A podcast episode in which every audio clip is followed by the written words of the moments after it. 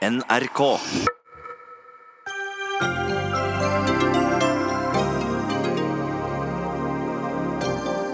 Toppmøte om vold og ungdomskriminalitet i ettermiddag. Justisministeren vil det skal bli lettere å låse inn kriminell ungdom. Det er ikke løsningen, advarer kritikere. En ny bok om Reiulf Steen viderebringer rykter og detaljer om rus og sidesprang for nærgående, mener Harald Stanghelle. Flere venstrelag vil kaste Trine Skei Grande. Er dette slutten for henne som partileder? Og Arbeiderpartiet beskylder Erna Solberg for løftebrudd. Vi importerer nemlig mer enn vi selger til utlandet.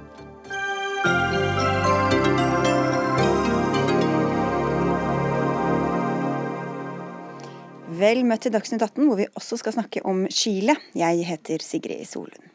Og nok en gang slås det alarm om gjengkriminalitet i Oslo. I helgen var det elleve voldshendelser i hovedstaden. 16 personer mellom 16 og 30 år er pågrepet.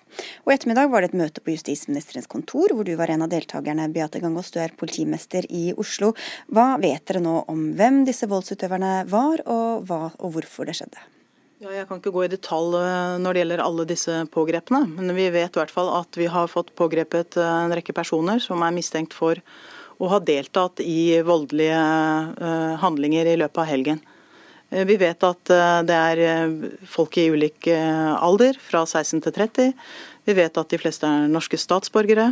Vi vet at det skjer på mange forskjellige steder i byen vår. Og da er det altså snakk om blind, uprovosert vold, eller hvordan vil du beskrive disse hendelsene? Ja, Etterforskningen vil jo avdekke det, men som et utgangspunkt så oppfatter vi at elleve av disse sakene kan være uprovosert og blind vold. Er Oslo blitt mindre trygt nå den siste, siste tida? Nei, det tror jeg ikke vi kan si. Eh, Oslo er en trygg by. Eh, når vi har slike hendelser som vi har hatt denne helgen, at det kommer så mange forhold Eh, oppå hverandre, så er det klart at det oppleves utrygt. Eh, jeg må si at Vi har et fortløpende eh, og nært og godt samarbeid med mange andre aktører for å forebygge at slike forhold skjer. Og Vi har selvfølgelig høy prioritet på dette i politiet, slik at vi både skal ha synlig politi ute og til stede, og at vi skal etterforske disse sakene med tilstrekkelig kraft og fart til å, å klare å reagere på de forholdene som, opp, som skjer. Hvor grov vold er det vi har sett nå i helgen som var? Ja, Det er litt ulikt. Eh, men det er klart at noen av disse tilfellene er helt uakseptable. Det er grov, grov vold hvor det er flere personer som går løs på et, et menneske med både slag og spark. Eh, det er helt uakseptabelt, og vi skal ikke ha det sånn uavhengig av hva slags skadeomfang det ble i disse sakene. Hva vet du om motivet, hva som ligger i grunn for at eh, disse ungdommene eller unge menneskene gjør dette? Nei, Det er ikke så lett for meg å si når det gjelder de konkrete hendelsene som nå er under etterforskning. Men det vi ser er at det er en, eh, en det ser ut som det er økning av bruk av vold i ungdomsmiljøer, og det er eh, bekymringsverdig. Eh, det at man eh, går sammen om å bruke vold mot personer, at man nærmest bruker vold som en del av sitt språk, at man filmer voldshendelser og, og sprer det på sosiale medier, det er ikke en utvikling som vi ser særlig lys på. Og det gjør de? Det gjør de. Du sa det var norske statsborgere. Hva annet kan du si om, om bakgrunnen deres? Ja, Det er ulik bakgrunn, uh, slik at det er ikke noe ensarta bilde. Det er, uh, det er ikke en enkel løsning. men Det vi vet er at det er få ungdom i Oslo som begår kriminalitet. Ca. 3% altså en cirka 160 unge personer kanskje, som står for uh, slik kriminalitet. Uh, og så vet vi at disse personene begår flere straffbare handlinger.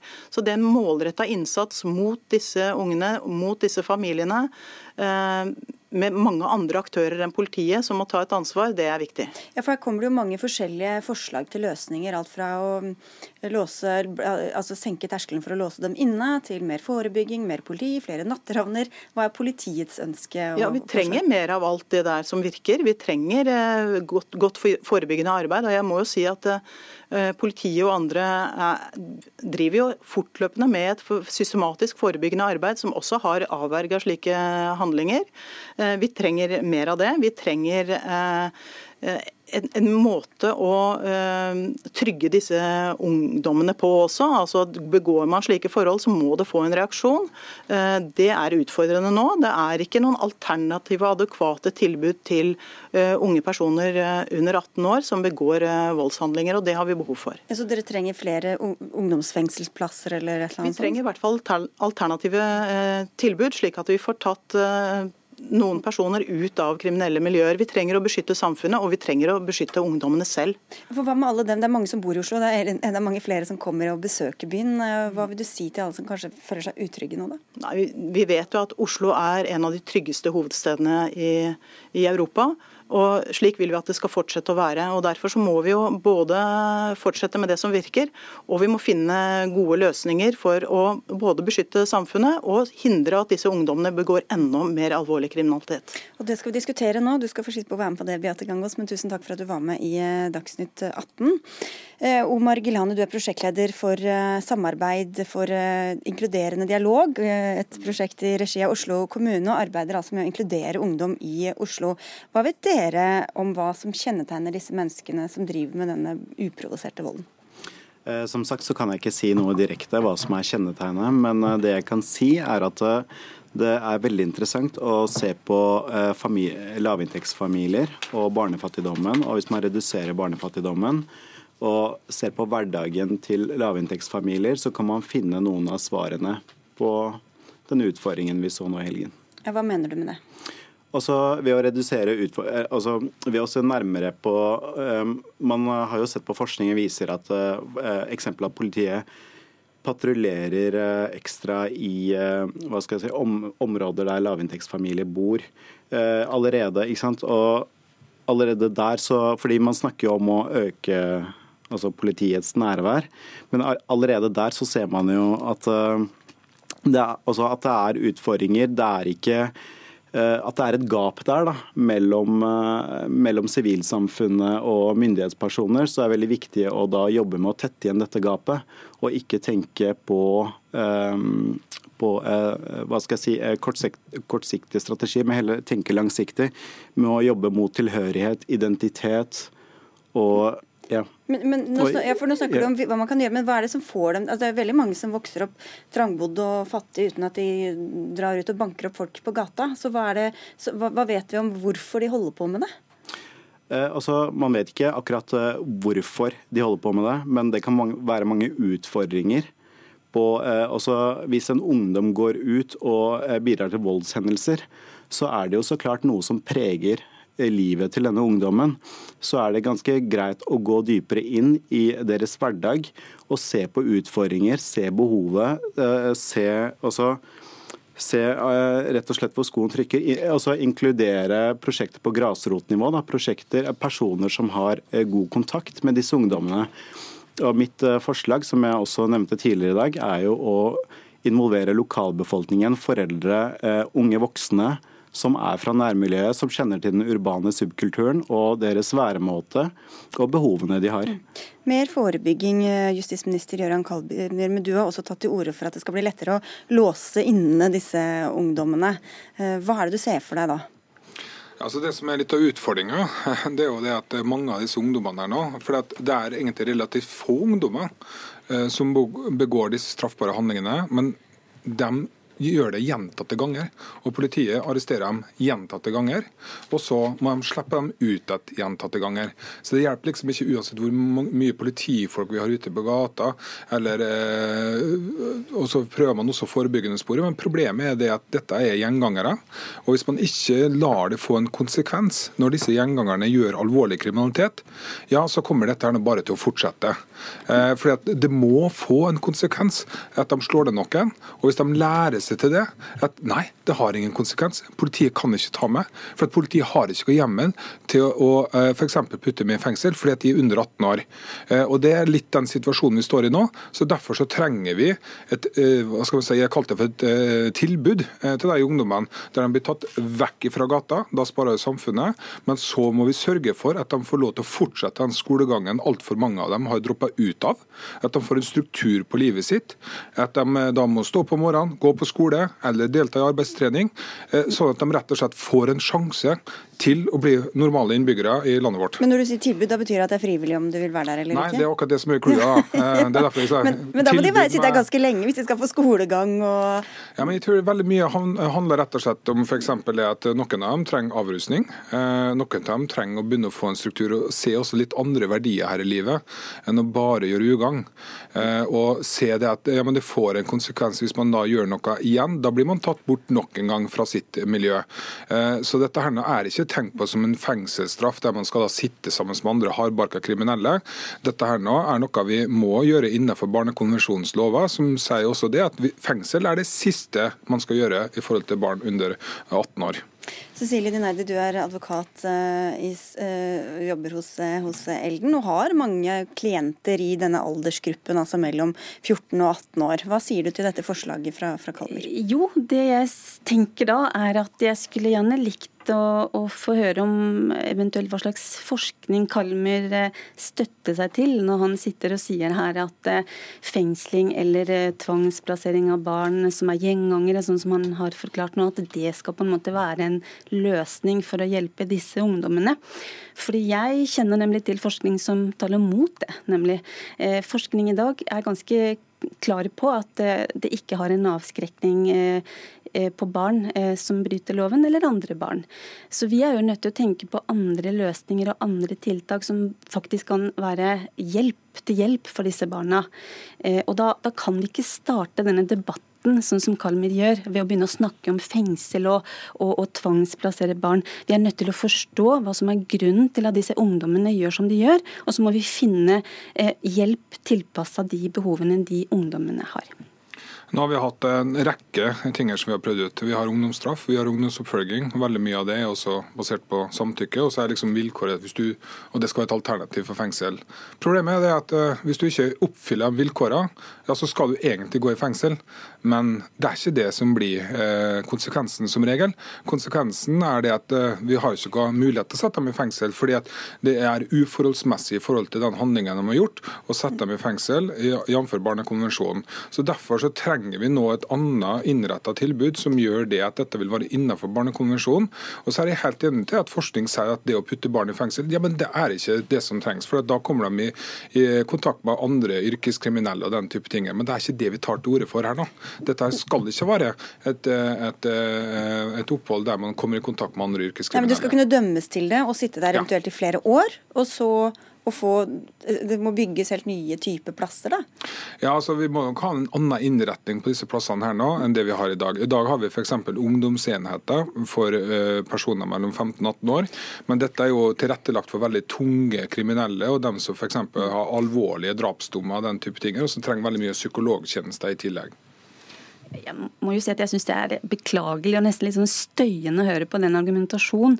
fordi at vi, vi, trenger jo tiltak som kan hjelpe disse ungdommene. Og det som vi får høre nå, det er ikke reell, effektiv hjelp til disse ungdommene. Vi trenger å forstå hvilke problemer disse ungdommene har, og så må vi løse de konkrete problemene. Og det kan vi ikke gjøre hvis vi fengsler ungdommene og tenker at det skal være en løsning. Men får dem jo vekk fra gata, da, hvor jo, ikke de kan slå ned uskyldige folk? Ting, at bare i barnevernsinstitusjoner rundt om i landet dag, så har vi jo bare der et problem i dag med at det enkelte steder florerer med rus. Ikke sant? Mm. Vi har et problem der. Og så skal vi sitte og snakke om at vi skal fengsle de. Og på hvilket rettsgrunnlag skal vi gjøre det? Det vil jeg også høre litt om. for ja. det skjønner jeg ikke. Okay, veldig kort, for vi har flere mennesker som skal med. Bryter man loven, så har man jo hjemmel, og jeg mener at det er jo nettopp det vi må utnytte. Men når det gjelder dette med barnevern, så er det jo akkurat som problemet der også. Man har vært for snill i altfor lang tid. Eh, hvis de som foreldre ikke holder min 16-åring borte fra gata og rus, ja da får jeg barnevernet på meg. Men hvis barnevernet har ansvaret, og de ikke holder dem borte fra rus, ja, da er det slik det skal være. For de har ikke lov til å ta i ungene, har ikke lov til å låse dem inne. Eh, de har ikke lov til å gi en god omsorg til barna. Det er litt av problemet. Vi skal ta med litt flere her. Ja, vi, vi bare... til å hjelpe barna, Kalmer. De har ikke nok ressurser. Eh, ja, det er noe annet også. Men uh, vi har jo selvfølgelig invitert byrådsleder Raymond Johansen fra Arbeiderpartiet, som også har vært i klinsj med deg tidligere og på dette møtet i kveld. Han kunne ikke være her eller i ettermiddag. Han kunne ikke være her, de sitter fortsatt i møter i, i bystyret. Men Siri Gåsmyr Staalesen, du er integreringspolitisk talsperson for Arbeiderpartiet og representerer Oslo på, på Stortinget. Hva, hva syns du, hva, hva, er din løsning på dette? Nei, altså Ungdom som begår kriminelle handlinger skal selvfølgelig straffes. og Derfor så har jo vi foreslått å styrke og utvide disse ungdomsenhetene i kriminalomsorgen med flere, øh, flere, plasser. og Det har ikke Frp vært med på å støtte. Så er det riktig som, uh, som, uh, som det har blitt debattert her, at forebygging er kjempeviktig. Det er klart det. Og siden, siden, siden så lenge som vi har styrt Oslo, så har vi styrka det forebyggende arbeidet. Og vi har sammen med politiet gått inn for ni tiltak for å forebygge eh, at ungdom begår kriminalitet. Og Det har bl.a. vært eh, å lage et nytt institusjonstilbud da, som skal fange opp flere unge som begår alvorlig eller gjentatt kriminalitet. Og så har vi gått fra å være en by hvor det meste stengte klokka fem, eh, til å ha kveldsåpen for barn og ungdom. Vi har hatt kveldsåpne fritidsklubber, kveldsåpne bibliotek og flere idrettstilbud. Okay, hvordan syns du dette fungerer så langt, da? Nei, Vi tar det jo veldig alvorlig det som har skjedd i, skjedd i helga. Og jeg tror at etter en helg som dette, så bør alle alarmklokkene i uh, Justisdepartementet ringe. Uh, og det er ingen tvil om at det er for lite politi i gatene. Uh, det mener vi at er, er veldig alvorlig. At, at, politireformen har ført til lite opprør, færre operative politifolk i gatene i Oslo, er alvorlig. Og det mener vi at her kan justisministeren gjøre mye. Du skal få svare, kan vi skal bare få inn siste person her også, Saida Begge. Begum, du er medlem i kultur- og utdanningskomiteen i Oslo, som representerer eh, Høyre. Hva mener du må til for å få en tryggere by?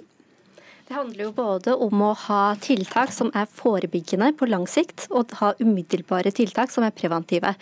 Og jeg syns det er oppsiktsvekkende å sitte her og høre på Arbeiderpartiet, som har sittet ved makten i Oslo i fire år nå, og vi ser at ungdomskriminaliteten har økt årlig, samtidig som man sitter lokalt og ikke benytter seg av de lokale verktøyene. Man velger f.eks. å kutte i støtten til natteravnene, som gjør at de kan ha færre trygge voksenpersoner ute i byrommene som trenger ekstra støtte. Man eh, kutter i fritidstilbudet til barn og unge. Særlig i fjor så hadde man jo et stort kutt, samtidig som man så en topp for ungdomskriminalitet. Og man velger f.eks. å ikke benytte seg av kommunale ordensvakter i områder som trenger særlig beskyttelse, selv om man har et økonomisk handlingsrom for det. Så det er jo mye man kan gjøre lokalt som man velger å ikke gjøre. Og så savner jeg også på nasjonalt plan, så mener jeg at man må få mye raskere og tidligere ungdomsreaksjon, slik at ungdommen ikke sitter og venter på straffen sin i altfor lang tid. Det jeg tenker at Høyre bør gjøre, er å snakke med, med, Erna og få flere politifolk i gatene. Natteravnerne har fått en årlig bevilgning på 400 000 hvert år fra byrådet. I 2018 fikk de en ekstra bevilgning. Den er ikke videreført, så det har ikke vært kutt. Og Jeg har sjøl gått natteravn. På ungdomsskolen til uh, ungene mine så har vi gått på turnus. Ja, det er ikke sånn at jeg som natteravner kan erstatte en patruljebil fra politiet. Selvfølgelig kan jeg ikke det. Så her er det politiet som må på banen. Men jeg vil bare høre tilbake til deg, Gilliane, du som snakker med disse ungdommene. Hva er det de selv sier? Er de redde for å havne i fengsel? Eh, savner de mer kontakt fra voksenpersoner, eller hva er det, hva er det de etterlyser? Eller? Altså, etter den turbulente helgen så har jeg snakket med mange av ungdommene. Og det er faktisk mange ungdommer som var uskyldige, som blir eh, dratt inn fordi de er på feil sted til feil tidspunkt. Så det er mange andre som blir berørt, og det er mange andre ungdommer som blir berørt. Men det som er veldig viktig, er å inkludere gjennom involvering også her å inkludere foreldre, inkludere lokalsamfunnet, eh, viktige aktører i sivilsamfunnet. Så her er det mange aktører man kan inkludere for å forebygge og ha en langsiktig god forebyggingsstrategi. Hva betyr det? Hva er det, Hva er det i praksis? Også inkludere, fordi eh, det er jo eh, lokalbefolkningen som kjenner lokalsamfunnet sitt best. Og Da er det ganske viktig å gå i dialog med dem, ha økt dialog i trygge omgivelser der alle er inkludert. Og det vil si at uh, da hjelper de oss med å finne frem til den aktuelle målgruppen dette her gjelder, og andre personer eh, som blir berørt, som blir urettferdig behandlet. Så der kan man forebygge på uh, flere fronter. Ok, så det er, mange, det er jo for så vidt mange, Dere er jo enige om mye her. Man skal forebygge, man skal ha mer politi, man skal egentlig ha mer av alt sånn som politiet sa uh, gang oss. Men, ja, bare i forlengelsen av det. altså dette med at Jeg ser en tendens med at flere ungdommer tyr til negative miljøer i sosiale medier, hvor med spredning av hatytringer og voldsromantisering. Dette er jo på mange måter resultat av at man ikke opplever et fellesskap i det virkelige livet de er en del av. Så jeg, jeg tenker at det er utrolig viktig å skape fellesskap og arenaer hvor ungdommer kan oppleve seg sett og oppleve eh, fellesskap.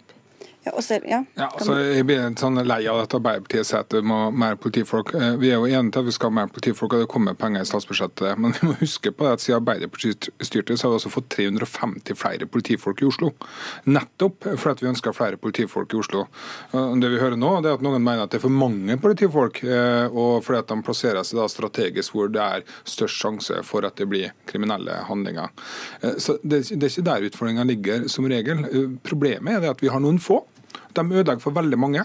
De ødelegger spesielt for minoritetsungdommer. For at De aller fleste minoritetsungdommer i Oslo de er skikkelig hardtarbeidende, flinke skolepersoner som gjør alt de kan eh, for å komme seg inn i gode jobber. og sånne ting. Og Så har du noen ytterst få som ødelegger for veldig mange, og det er dem vi er å ta ut. For Vi kan ikke ha en sånn at noen få skal lenger få lov til å gå rundt og spre vold og frykt i Oslo by. Men det er ikke bare opposisjonen som sier at det er for lite politifolk i Oslo. Politiet selv sier det, Uteseksjonen sier det, og bydelene sier det i avisene i dag. Sånn at det, det blir for enkelt. Det, må, det, det, er for lite politi. Og så tilbake til det med, med forebygging. Raymond, har jo også snakket, Raymond Hansen snakket jo også i dag om det med foreldre. Og det er klart det at Hvis man har, har forebyggende tiltak som f.eks. Bydelsmødrene i bydel Alna, da, hvor det er en organisasjon som er ute i nærmiljøet, og som dersom man fanger opp ungdom som går ute på kveldstid, så går man hjem til dem. Man oppsøker dem. Ikke sant? Der har vi foreslått å bevilge penger over statsbudsjettet. Regjeringa har sagt nei. Men det er sånn dørbank og nabokjerring. Det er også forebyggende, og foreldrene spiller en stor rolle. Eh, og de må vite hvor unga er. Altså, ok, så forebygging, Det er egentlig ingen som er mot forebygging rundt dette bordet, tror jeg. Men Begum, hva sier du til Kalmyrs forslag om eh, noen egne ungdomsplasser? Eh, et ufrivillig tilbud hvor de skal få både, både straff og, og hjelp? Jeg tenker at Det viktigste er jo måten man organiserer dette på. og innholdet i selve tilbudet. Hvis det inkluderer at man kan få disse ungdommene over til på rett kjøl igjen med arbeidstrening, med tilbud om en uh, utdanningstilbud som fanger de opp mye bedre, så kan det være bra. Og Det er jo noe vi ikke har prøvd ut før. Og jeg sier jo ja til nye tiltak som kan hjelpe disse ungdommene tilbake til samfunnet. Og så tenker jeg at Når det kommer til dette her med natteravnene, sist jeg var ute og gikk natteravn i Oslo, så møtte jeg foreldre som sa at de savnet flere trygge voksenpersoner på utsatte områder. Og når jeg snakker med natteravnene, så sier jo de selv at de skulle gjerne ha vært flere steder i Oslo, men pga. det kuttet de fikk fra Arbeiderpartiet i Oslo, så har de ikke kapasitet. Det er et enkelt tiltak som man kan gjøre lokalt, som er forebyggende, akkurat som Bydelsmødrene, som man også kan på en måte støtte lokalt. Og jeg mener at Arbeiderpartiet driver med ansvarsfraskrivelse ved å bare peke på regjeringen, i stedet for å ta det ansvaret dere har lokalt for å styre Oslo. Men dette er altså ikke et kutt. da, og det er sånn, Jeg er jo enig i at natteravnerne gjør en kjempegod jobb, men de erstatter ikke en patruljebil i gatebildet. Og så er det dette med jobb. Det er helt enig. Eh, jobb for ungdom er kjempeviktig. At man har en, en, mening med livet, om det er en skoleplass eller en jobb. Derfor så har jo byrådet også prøvd ut sommerjobber, eh, og gitt sommerjobber til ungdom i, i bydelene. Og det førte til roligere sommermåneder for, de, for byen vår. Men, men Dinardi, bare, Du sa det, at du vil ikke straffe, altså det hjelper ikke avskrekken. Men hvis det oppleves som et, noe helt annet da, inne på disse plassene enn et vanlig, vanlig fengselsceller? Da tenker jeg det er viktig å ta utgangspunkt i at dette er sammensatte grunner som gjør at ulike ungdommer havner på, på, feil spor. Og Da er vi jo faktisk nødt til å finne løsninger som har tilpasset de ulike behovene de har. Vi har å gjøre med ungdommer som f.eks. har dårlige oppvekstkår, og som trenger veldig særskilt hjelp knytta til det. Kanskje de trenger å bli eh, forsterket, altså deres omsorgssituasjon. Vi har ungdommer som sliter i et fellesskap. De føler utenforskap, og så skal de på en måte tas ut av det. Jeg tenker at vi må legge langt mer ressurser i å finne verktøy som kan hjelpe å styrke disse ungdommene, så de kan føle et fellesskap og føle seg verdsatt på lik altså, linje som andre. Altså, Norge det er det landet i verden som bruker mest penger på ungdommer. Vi er et land der alle får gratis utdannelse. Alle får de samme mulighetene. Eh, det er milliarder av penger som blir brukt i barnevernet for å hjelpe disse familiene. Du vet at det er En stor gruppe som altså, faller utenfor også, jo, som ikke altså, Vi bruker utrolig mye penger på akkurat dem også. Så, så dette her nå, Det må ikke bli sånn at samfunnet sitter bare og skylder på seg sjøl. Vi har eh, faktisk en utfordring med noen ytterst få. Eh, og de har lært seg det, at de handlingene de gjør, det får ingen konsekvenser. Og der ligger nok den store utfordringa. Jeg tror vi må takka der og si tusen takk for at dere kom alle sammen. Gøran Kalmyr, justisminister, Siri Gåsmyr Stolfsen fra Arbeiderpartiet, Saida Begum fra Høyre, Omar Gilani fra Samarbeid for inkluderende dialog og advokat Cecilia Dinardi. Takk skal dere ha alle sammen. Dagsnytt 18 alle hverdager klokka 18. På NRK P2 og NRK2.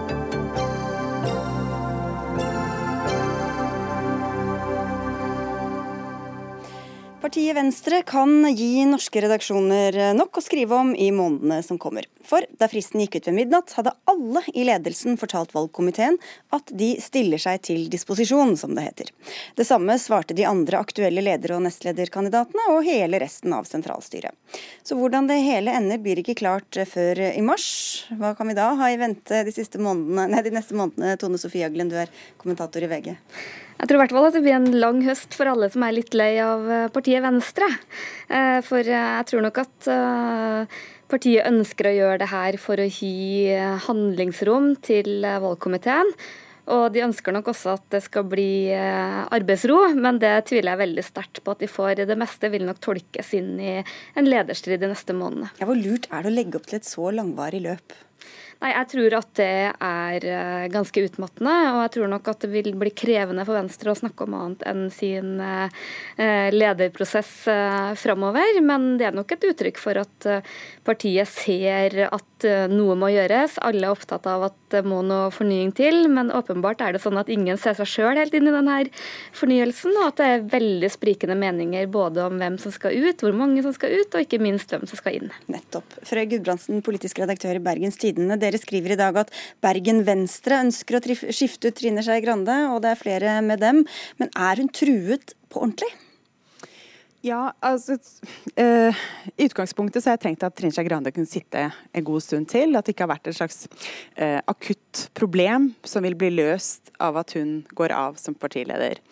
Men nå er det liksom en snøball som har begynt å rulle, og det er bare veldig vanskelig å dytte den tilbake på plass igjen. Så nå er jeg ganske sikker på at uh, hun kommer til å måtte trekke seg. Og i hele den prosessen som skjer nå i partiet, så begynner hele organisasjonen å bare forberede seg på et nytt lederskap. Så jeg tror ikke dette er noen vei tilbake nå. og Jeg tror at uh, vi er nå inne i Trine Skei Grandes ja, begynnelsen på slutten av hennes periode som partileder. For alle som Aglen var inne på, er jo enige om at det trengs utskiftninger og fornyelse. Mm. Så hvordan kan det da ha seg at alle også vil ta gjenvalg? Nei, Jeg tror det handler mer om å kontrollere tidspunktene for eh, når det blir kjent hvem som eh, vil trekke seg osv. Hvis man forstår at eh, man skal byttes ut, så den eneste makten man kan sitte igjen med, sånn sett, det er jo å kontrollere prosessen videre. Kontrollere, være med å påvirke både hvordan det nye lederskapet velges, men også tidspunktene for når det blir kjent at de ulike personene eventuelt trekker seg, kan påvirke eh, hvilke kandidater som får fordel av det. Så jeg tenker at det er, ikke, det er ikke så uklokt sånn sett at de alle inntil videre stiller seg til disposisjon, og så tipper jeg at det er noen som endrer mening etter hvert. For det er ikke helt lett å lese alle strategier og motiver som kan ligge litt uh, under her, Aglen? Nei, og jeg er enig med Frøy Gudbrandsen i at uh, det handler nok om å, å starte på målstreken uh, samtidig. Men det som er litt sånn utfordrende her, er at uh, alt henger litt sånn sammen med alt. Uh, hvis man sier nei til å bli gjenvalgt som nestleder, så vil det nok være stor automatikk at man sier fra seg en stortingsplass. Det er én del av bildet. Og så er det utfordrende i partiet med at det er litt ulike fløyer. Og jeg er litt usikker på om jeg ville satt pengene mine på at Skei Grande kommer til å måtte gå. For en utfordring nå er at Eh, det er to eh, som jeg ser, i hvert fall reelle lederkandidater. Det ene er Abid Raja, og det andre er Sveinung Rotevatn. Og det er litt sånn i Venstre at eh, den som støtter Rotevatn, er veldig kritisk til Abid Raja, og den som støtter Abid Raja, er veldig kritisk til Rotevatn, i hvert fall eh, langt på vei. Og det kan godt ha, komme igjen i en situasjon hvor man må finne et slags kompromiss for å samle partiet. Og så har vi sett det før i Venstre, at det har vært veldig mye armer og bein, mye tydelig misnøye uttalt, og så har det en tendens til å roe seg ned når man eh, kommer mot et landsmøte. Ja, Så da ender hun opp med å bare bli sittende likevel? Jeg vil i hvert fall ikke være skråsikker på at ikke det kan skje. At det blir endringer i partiledelsen, det er helt åpenbart. Men det kan også være på nestledernivå. Men det er også veldig avhengig av hvordan denne prosessen utvikler seg. Du nevnte to, Rotevatn og Raja. Er det noen av dem som kan tenkes å utfordre henne helt åpent? Jeg tror ikke at eh, Sveinung Rotevatn ønsker å utfordre Trine Skei Grande. Han uh, tror jeg er ganske avhengig av hennes støtte. Uh, hva Abid Raja gjør, er, er mer usikkert. Han har jo sagt uttalt at han eh, støtter henne så lenge hun ønsker å fortsette. Så eh, det er nok et spørsmål om det er liksom andre løse tråder som gjør at eh, hele denne prosessen må på en måte restarte på nytt, og det gir rom for kandidater til å utfordre. Du sitter jo i en by som, hvor Venstre vil kaste henne, Gudbrandsen, men i et fylke som vil noe helt annet. Hva slags fløyer? Hvordan kan vi lese alt dette inn i et slags politisk landskap, og hva handler mer om person og likes and dislikes? Nei, Det er ganske komplisert, men jeg tror det er helt riktig som Aglen var inne på, at eh, stortingsnominasjonen og stortingsambisjoner eh, i, i ulike, på ulike måter spiller inn her. Og det er egentlig et ganske komplisert landskap eh, å lese. og jeg er nok også enig med at det er ikke sikkert at Grande trekker seg som leder, men hvis hun blir sittende, så er det altså en leder som Eh, veldig store deler av partiet eh, helst skulle ha bytta ut. Og det er ikke en gunstig situasjon inn mot et stortingsvalg, der de er faktisk er nødt til å gjøre det ganske bra. Ja, hvordan skal hun klare å lede partiet mens det samtidig pågår denne debatten da, i fem måneder framover nå, Aglen? Nei, Jeg tror i hvert fall ikke at det blir lettere for eh, Venstre å fokusere på politikk. Og det er jo nettopp det som eh, mange er misfornøyd med. At både statsrådene og hele ledelsen er for dårlig til å synliggjøre Venstre-politikk. Men så er jo også Venstre et litt sånn rart parti. jeg ser Når vi har snakka med lokallagsledere, så har vi snakka med lokallag med fem styremedlemmer, og alle fem har helt ulike meninger om hva som bør skje. Så jeg tror nok at det kommer til å bli en, en lang og ganske eh, kronglete prosess framover for Venstre. Mm, og ingen som alle kan samles om, Gudbrandsen? Nei, det er det som er litt vanskelig nå.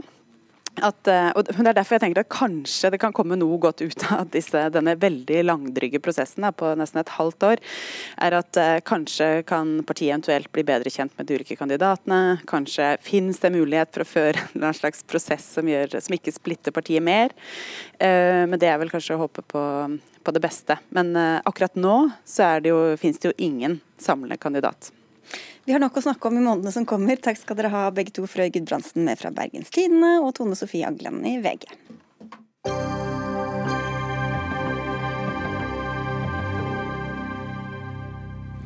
Ryktene var kjent fra før, men nå får de nytt liv. Hans Olav Lahlums bok om den tidligere Arbeiderpartilederen Reiulf Steen tar bl.a. for seg forholdet mellom Steen og tidligere statsminister Gro Harlem Brundtland. På 70-tallet gikk det sterke rykter om at de to hadde et nært forhold eh, privat, og sånn kommenterte Steen selv ryktene i 1989, da han lanserte boka Maktkamp. Jeg mener prinsipielt at sånne spørsmål skal politikere ikke svare på, uansett hvor sannsynlig eller usannsynlig grunnlaget for spørsmålet er. Og, men ifølge denne nye boka så bekreftet altså Sten at det var, eller han påsto, at det var et seksuelt forhold mot, mot slutten av livet. Harald Stanghelle, du er kommentator i Aftenposten og skriver i dag noe du har, en kommentar du har kalt 'Ny flamme i utbrent ryktebål'. Mm. Under her ligger det at du ikke er helt fornøyd med omtalen av disse ryktene? Nei, altså Hans Olav Lahlum fortjener virkelig en gratulasjon med en strålende og sterk biografi. Det er ei brutal bok om et brutalt liv i ei brutal tid.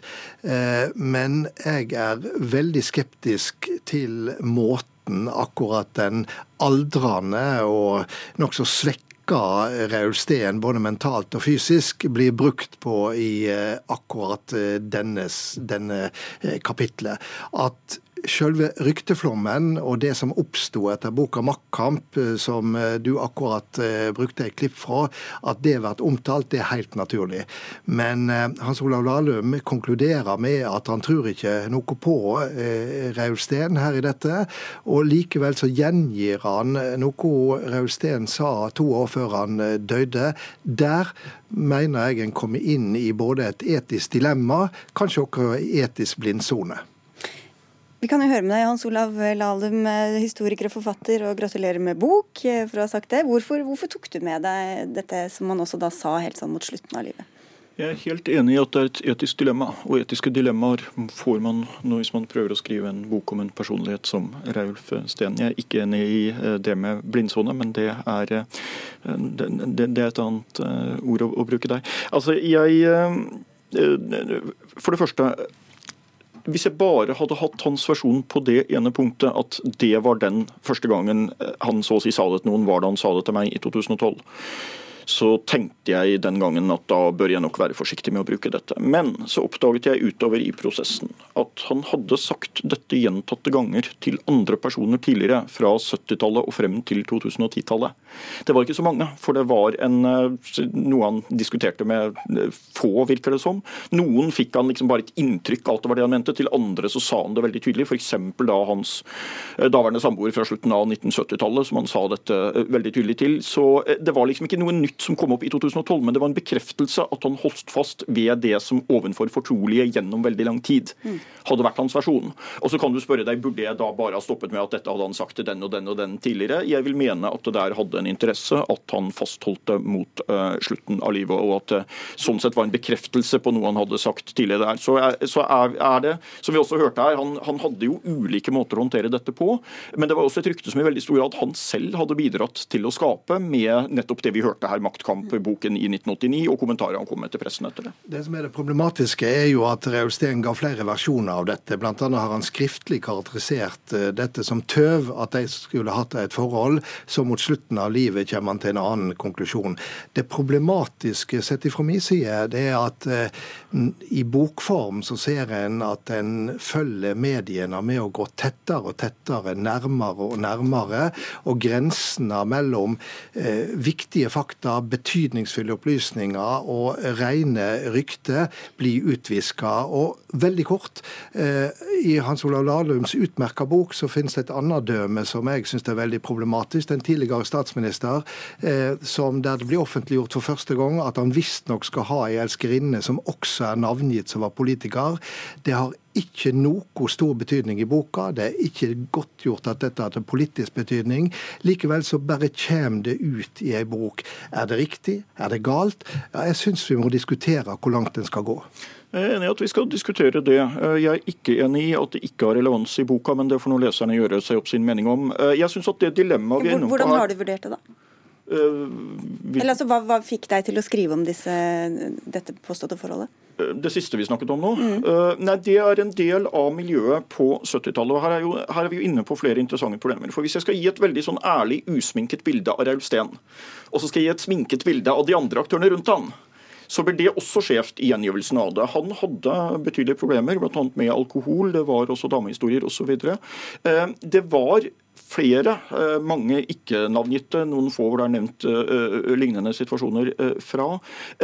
På den tiden, Det var en tid hvor menn kunne gå ganske langt med, litt pågående oppførsel og det ene med det andre overfor damer. Og det var en tid hvor media skrev veldig lite om politikeres privatliv, også ting som i dag ville vært tatt opp. Kanskje har vi gått for langt. Jeg er ikke uenig i det Harald Stangele sier om det. Jeg misliker det intenst når jeg ser at media med paparazzi-metoder osv. driver og trekker inn ting fra strengt private forhold i familie osv. som egentlig ikke har noen stor betydning for politikken eller hva det er de annet driver med. Men jeg tror man må skille mellom den situasjonen og den situasjonen som foreligger her. Fordi Raul Steen ba meg skrive denne boken for vel ti år siden. Jeg sa til han at da blir det en ærlig biografi med gode og onde dager. Han sa at det er akkurat det jeg ønsker meg hvis det skal skrives en biografi om meg. At det blir både med de gode og de onde dagene, og både med de uproblematiske og de kontroversielle sidene. Så betrodde han meg sin versjon om det, og den stemte altså overens med hva han da hadde sagt til fortrolige folk han snakket med tidligere. Eh, og, og, og, han ga meg da også Avtalen mellom oss var at jeg da fikk en fullmakt til å vurdere om dette burde med i boka når den var ferdig. Og jeg vurderte ut fra helheten at dette burde med. Men du konkluderer med at du ikke tror på det. Og da syns jeg det er ekstra problematisk å ta det med. Og eh, tragiske storhet eh, syns jeg du får fram på en eh, svært sterk og, og god måte. Det er i bragd måten du har tegna det portrettet på. Men det forsvarer ikke at du tar med ryktet om andre navngitte politikere og deres påståtte elskerinne. Der går det ei grense for meg, og det syns jeg er djupt problematisk. Jeg hadde større etiske dilemmaer med andre personer Alf Steen. Det gjaldt eh, f.eks. da jeg hadde en del runder med meg selv rundt eh, det som sies om hans eh, første kone, som jo er en avdød person her, og da var et familiemedlem. Eh, jeg hadde eh, en del diskusjoner rundt eh, andre personer i toppolitikken og sånt. Nå skal det sies at i det, det andre tilfellet du nevner her, så, så nevner jeg at det verserte rykter og påstander om det. Så har jeg da tatt med begge versjoner, og der har jeg ikke konkludert med at det får noe sånt, men jeg har lagt frem to versjoner der. Og det er noen situasjoner man som biograf da kommer i, hvor man får legge fram de ulike versjonene, og så får man la leseren vurdere selv. Når, når, det gjelder denne historien med Reulf og Gro, så har jeg lagt frem Rauls versjon, jeg har lagt frem Gros versjon.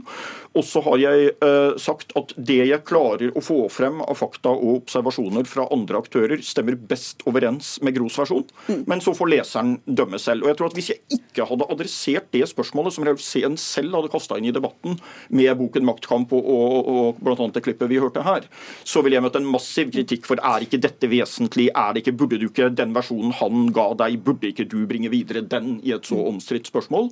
Og på godt og vondt. Det, det siste er jo helt enig i, at det skal omtales. Spørsmålet er hvordan det blir gjort. Men eh, det går i hvert fall an å legge til at eh, Jonas Gahr Støre bør lese denne boka med stor glede.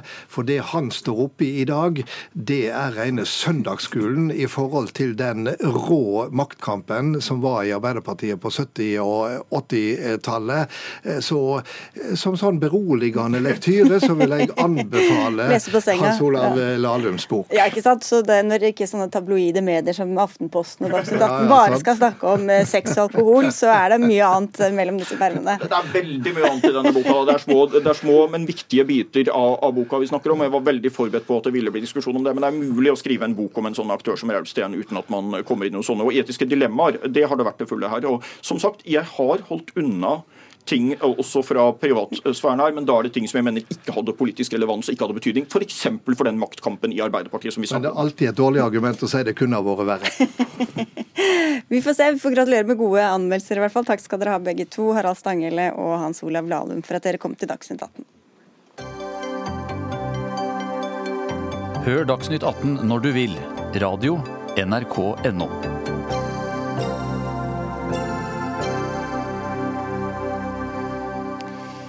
Økte priser på kollektivtransport utløste opprøret, og selv etter at prisøkningen ble trukket tilbake, så fortsetter protestene i Chile. Nå er det portforbud både i hovedstaden Santiago og i flere andre byer. Elleve mennesker døde etter at en klesfabrikk og et supermarked ble plyndret og påtent i helgen. President Sebastian Pinera svarte på de voldsomme opptøyene med å innføre en to uker lang unntakstilstand. Dermed patruljerer flere enn 10 000 soldater i Santiagos gater, dette er første gang eh, de eh, patruljerer her siden Augusto Pinochets militærdiktatur tok slutt i 1990. Så er det noen spøkelser som vekkes til live nå i Chile, professor eh, ved Universitetet i Oslo, Benedicte Bull. Ja, det er jo det. Altså, chilenere er ganske sjokkert når de ser uh, militæret i gatene. Og ikke minst uh, etter at uh, Sebastian Pinera erklærte i beste sendetid på TV i går at nå er det krig. Dette er ikke demonstranter, det er ikke bare kriminelle, dette er opprørere, og nå skal vi slå tilbake med alt vi har. Det gikk eh, forsvarssjefen og general ut i dag og prøvde å roe litt og, og rydde opp litt etter det presidenten har sagt. Men det er en veldig spent stemning og mange spøkelser som eh, chilenerne ser for seg nå? Det var jo ikke så mange ørene disse billettprisene ble satt opp med. Hvordan kunne en sånn handling utløse en sånn reaksjon? Nei, det spør jo mange seg, eh, for det er en liten sum. Men eh, fatt, altså relativt eh, sånn lavere middelklasse i Chile bruker rundt 20% av inntektene sine på transport. Så i det store og hele så er det ganske mye. Og så er det et uttrykk for både en sånn, sånn følelse av um, at mange har, har, ikke fått tatt del i den økonomiske veksten og fremskrittet som Chile har, har, sett. At lønningene strekker stadig kortere. Lave minimumslønninger, lave pensjoner. Og at hele samfunnet er på en måte gjennomsyret av en, en markedstenkning og konkurranse, og at man har mistet en sånn fellesskapsfølelse. Så det er en litt sånn håpløs, håpløshetsfølelse som jeg opplever når jeg snakker med chilenere, og som er styrket egentlig de siste årene. Og dette er jo ikke første gang vi ser noe som kan virke som en relativt liten sak, eh, forårsake store demonstrasjoner. Tidligere denne måneden var det opptøyer i Ecuador etter at regjeringa der ville fjerne drivstoffstøtte. Og vi husker eh, demonstrasjonen i Frankrike i 2018 da folk tok til gatene i gule vester for å demonstrere også der mot dyrere drivstoff og høyere levekostnader. Stein eh, Sundstøl Eriksen, du er seniorforsker ved, ved NUPI. Hvilke likheter ser du mellom disse demonstrasjonene på tvers av landegrensene? Jeg tror det er riktig å se på alle disse protestene som kommer tilsynelatende eh, som et resultat av bagatellmessige endringer. De må ses på som et uttrykk for en mer omfattende tillitskrise til det politiske systemet. Der veldig store grupper føler at deres interesser ikke blir hørt. At uh, politikken som føres, favoriserer en elite og går på bekostning av vanlige folk, og spesielt i de fattigere delene av befolkningen. Mm. Hva ser du, eh, Hvordan sammenligner du det som har skjedd i Ecuador og Chile nå, fordel, eller fordeler, holdt jeg på å si, likheter og ulikheter?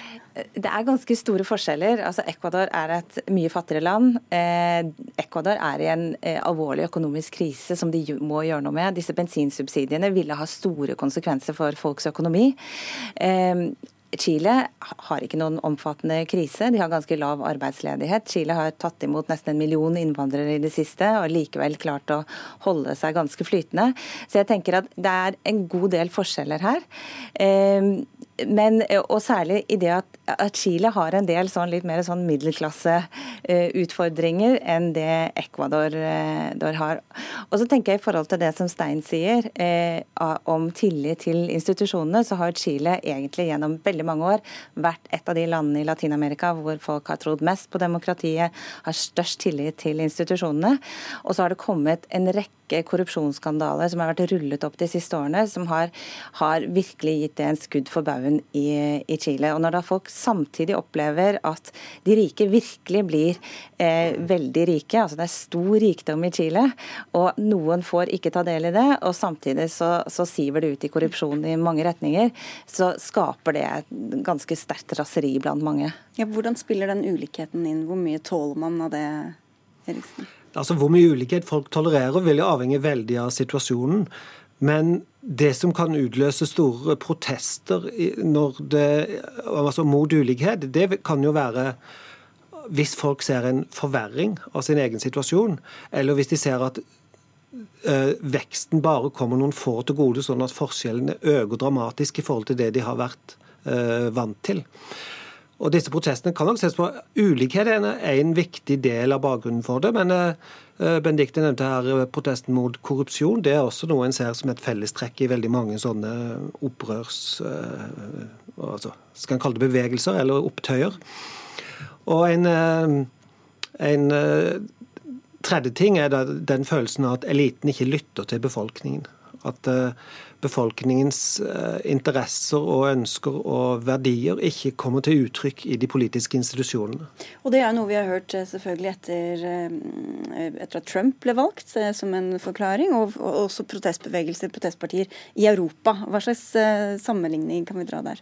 Ja, altså jeg vil si at Både Trump og brexit og disse opptøyene og i gule vestene og mange av de opptøyene vi har sett i andre deler av verden, kan betraktes som et uttrykk for det samme, nemlig en svekka tillit til institusjoner og en protest mot uh, spesielt økende ulikhet.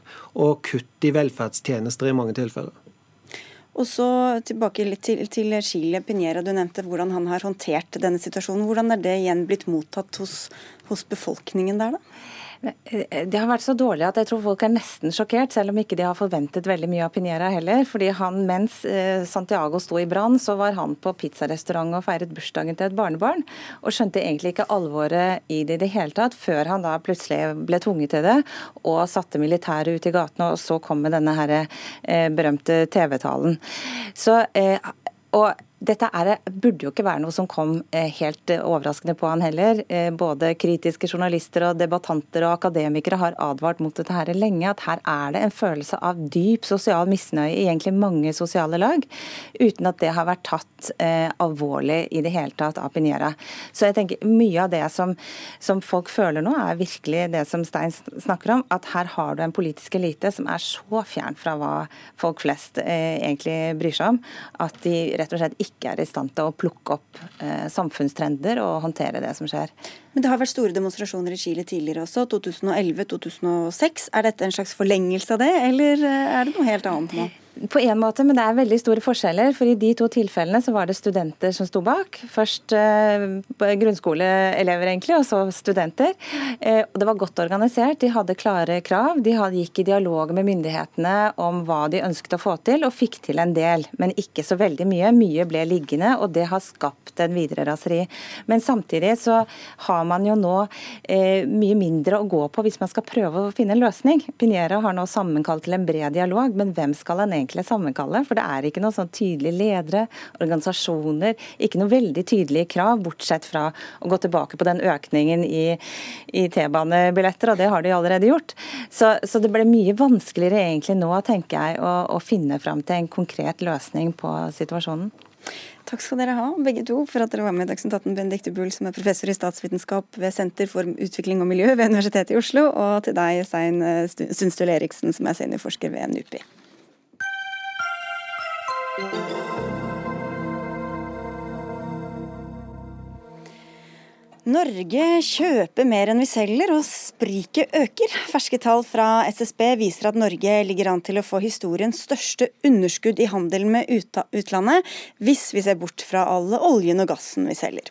I fjor solgte vi varer og tjenester for 250 milliarder kroner mindre enn vi kjøpte for, og allerede for de ni første månedene i år er dette underskuddet på 212 milliarder. Så fortsetter det sånn, blir underskuddet i år enda større enn i fjor.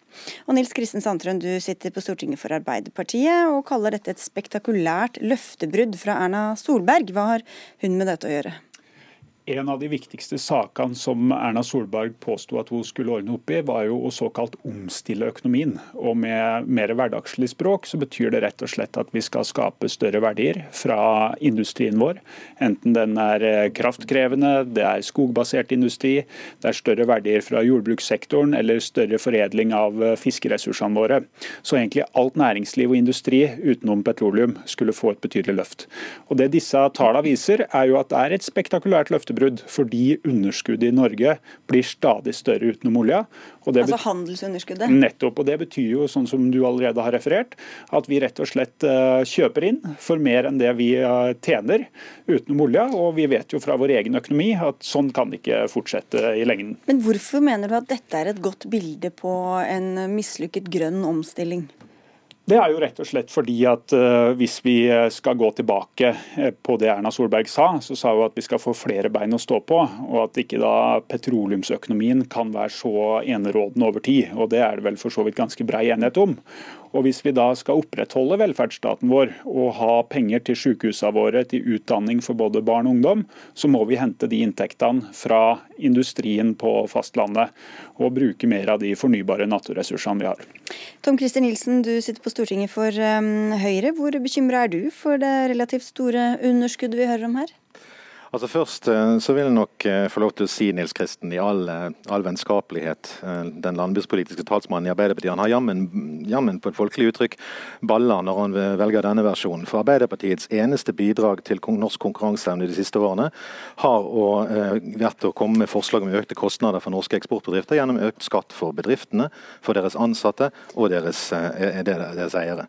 Og Så er det selvfølgelig all grunn til å ta alvorlig eh, tall for eksport og import og handelsbalanse. Det er viktig å si at vi har en ganske stor overskudd på handelsbalansen når vi tar med, tar med oljen. Men, Men vi skulle jo bli mindre avhengig av den oljen. Så... Ja, og det har vi blitt. La oss ta akkurat det, det, spørsmålet. Siden 2013 så har eh, norsk eksport av tradisjonelle varer fra fastlandsindustrien økt med 100 milliarder. Dvs. Si at vi har fått en hel ny fiskerinæring på toppen av eh, den gamle eksporten. Og de seks årene før det så økte eksporten vår med 7 milliarder. Det er altså 15 ganger høyere eh, takt på, på, dette. Andelen av eh, olje, Oljeøkonomiens andel av totaløkonomien har gått ned. Oljeøkonomiens andel av sysselsettingen har gått ned.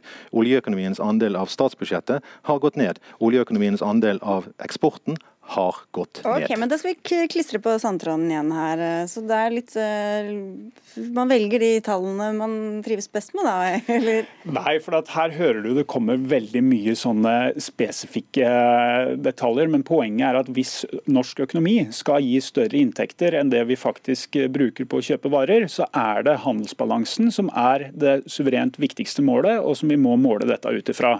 Det er helt klart, og det er det brei enighet om. Så da er spørsmålet om vi er enig i at vi skal gjøre noe med det stadig økende underskuddet, eller om vi kommer i en situasjon over tid hvor vi da ikke skal ha den verdiskapinga vi trenger for velferdsstaten vår for framtida. Det er da mitt poeng er som følgende. Um, vi kan godt sitte og diskutere mindre poster osv. Men dette er jo nesten Ja, og der kan man jo si det er mange ting som høyreregjeringa har gjort som eh, har vært i næringsfiendtlig retning òg. Og annet så kjemper jo vi mot eh, det at kraftkrevende industri skal måtte bevise at de bruker ren kraft, for det vet vi at alle bedrifter i Norge gjør. Men legg det til side, og så fokuserer vi på det store bildet. Og da er poenget mitt at omfanget av industri- og næringspolitikken må betydelig forsterkes og forbedres. For det er jo litt som innen idretten. Nå har vi sett på friidretts-VM. Hvis Ingebrigtsen-gutta bare hadde vært på en halvtimes joggetur i uka, så er det klart at resultatene deres òg ville blitt slappere.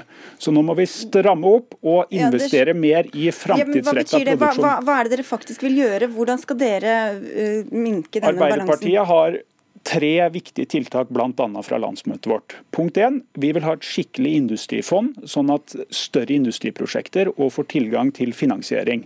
Punkt 2. Vi vil ta lærdom av den historien vi har i Nordsjøen og den suksessen det har vært med å gi risikoavlastning til bedriftene i tidlig fase. Og at det òg skal gjelde for bedrifter som skaper verdier fra havet, fra jorda, fra skogen. Og punkt 3 mer av klimapolitikken må gi næringsutvikling, verdiskapning og nye arbeidsplasser her i Norge. Ok, Da skal vi Nilsen få kommentere oppskriften. Ja, Jeg er litt overrasket nå. for Hvis han er så høyt på banen med kritikken, så burde en jo komme med noe nytt. Eh, og det gjør man jo selvfølgelig som vanlig ikke. Altså, Arbeiderpartiet har en modell for næringspolitikken der man øker skattene med tre kroner, og så gir man én krone tilbake igjen til, til, næringslivet.